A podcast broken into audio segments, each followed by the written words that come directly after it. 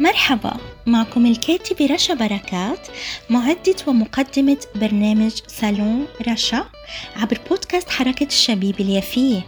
صالون رشا رح يكون صالون مفتوح لكل أنواع العناوين المحلية والعالمية واللي أكيد بتفيدنا. اسمعونا على منصات التواصل الاجتماعي والتطبيقات Spotify Podbean Google وابل وطبعا على الفيسبوك بصفحتي بودكاست حركة الشبيب اليافية وحركة الشبيب اليافية. سالون رشا.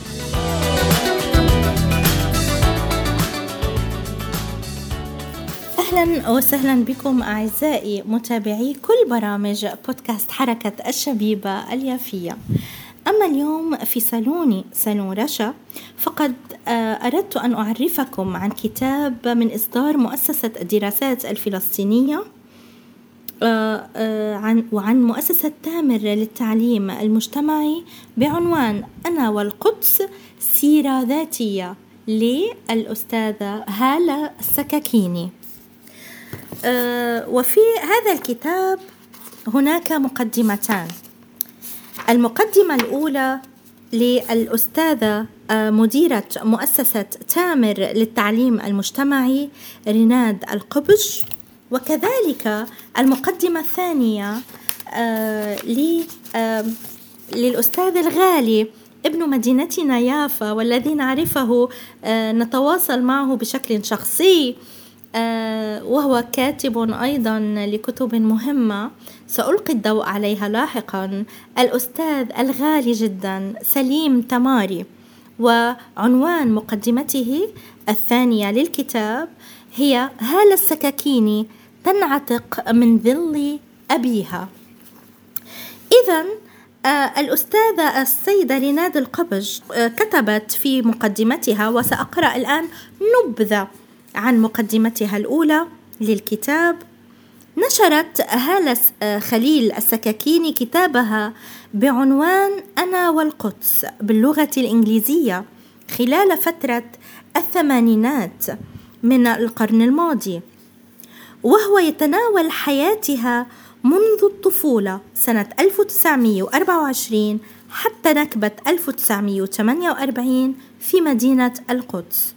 وما تخللها من محطات وأحداث اجتماعية وثقافية وسياسية عاشتها الكاتبه في كنف عائلتها ووالدها خليل السكاكيني الذي كان له أثر واضح في بنائها الذاتي والمعرفي.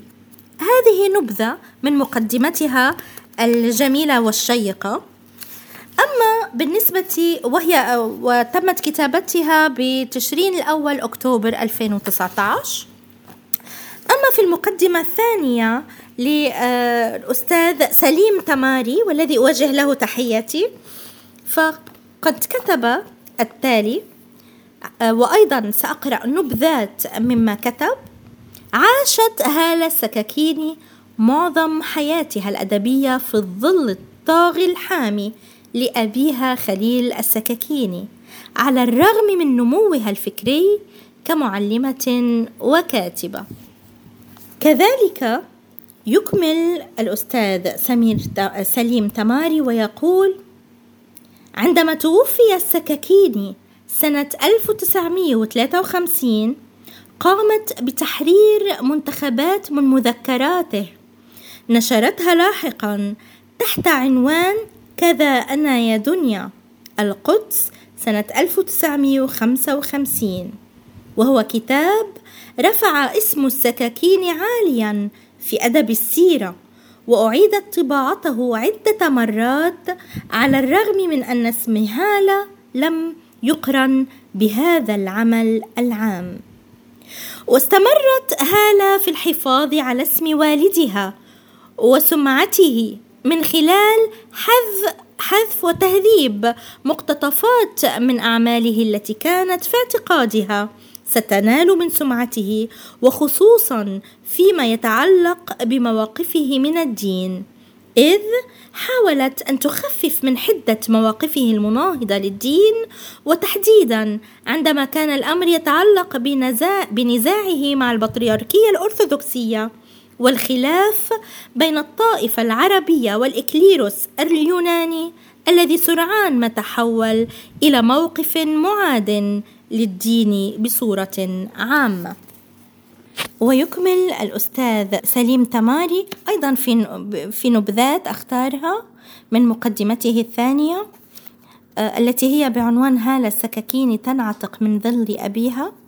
إذا خلال حياة خليل السكاكيني عاشت هالة وأختها دمية في ظل أخيهما سري. وبعد وفاة سري وخليل الأخ والأب نشرت هالة عدة كتب صغيرة تتمحور جميعها حول ذكرى أبيها والعائلة. وفي كتاب أنا والقدس هذا الذي بين أيدينا وبه فقط استطاعت هالة أن تجد صوتها الأدبي الخاص وأن تحصل على صفة أدبية مستقلة وعلى الرغم من أسلوب السرد الحكوات القصصي لهذا العمل فقد نجحت المؤلفة في إنتاج مذكرات حية للحياة اليومية في القدس الانتدابية. نجد فيها احتفاء مبهجا بحياة الطبقة الوسطى في أحياء القدس الممتدة خارج أسوار البلدة القديمة مثل طالبي القطمون البقعة الكولونية الألمانية حيث تلقت هالة دراستها الأولى. وبعد سنة 1948 ونكبة فلسطين لجأت هالة ودمية مع العائلة إلى القاهرة وبعدها إلى رام الله حيث عاشتا في عزلة اجتماعية تناقض أسلوب حياتهما السابق في القطمون وقد ورثت هالة عن أبيها بعكس أختها دمية شخصيته المستقلة والعنيدة. وشعورا مرهفا مقرونا بالأخلاق العالية والمتعالية. إلى آخره أما ما تم كتابة كتابته من خلال الناشر ومن قبل مؤسسة الدراسات الفلسطينية حول هذا الكتاب أنه يتناول هذا الكتاب مراحل حياة هالة السكاكين في القدس منذ الطفولة سنة 1924 حتى نكبة 1948 تشاركنا هالة عبر الانتقال المتقن بين الخاص والعام. عدة محطات وأحداث اجتماعية وثقافية وسياسية عاشتها في تلك الفترة مع عائلتها مظهرة بذلك الحضور الملحوظ لشخصية والدها خليل السكاكيني. وما كان لها من أثر واضح في بنائها الذاتي والمعرفي. ينتقل بنا السرد من ذكرى إلى أخرى وسط تفصيلات صغيرة ودقيقة للأمكنة والأجواء وأجواء الحياة في المدينة وأسماء عائلاتها ومسارحها ومدارسها ومقاهيها وطقوسها في الاحتفالات بمختلف المواسم في الثلاثينيات والأربعينيات من القرن الماضي. وكأن الكتاب دعوة للقارئ كي يسير مع هالة في شوارع القدس ويستحضرها شعوريا بسلاسة. وتتضمن هذه النسخة العربية ملحقا خاصا بيوميات. هالة في القدس في زمن الحرب من 1940 حتى 1942 أما عن المؤلفة فقد كتب إن هالة سكاكيني ولدت سنة 1924 حتى 2002 يعني الله يرحمها ولدت في البلدة القديمة في القدس. هي كاتبة ومدرسة مقدسية ابنة المربي الفلسطيني خليل السكاكيني رحمة الله عليه. أنهت دراستها الابتدائية في القدس في الثلاثينيات وخلال نكبة 1948 غادرت مع العائلة حي القطمون في القدس الغربية إلى مصر.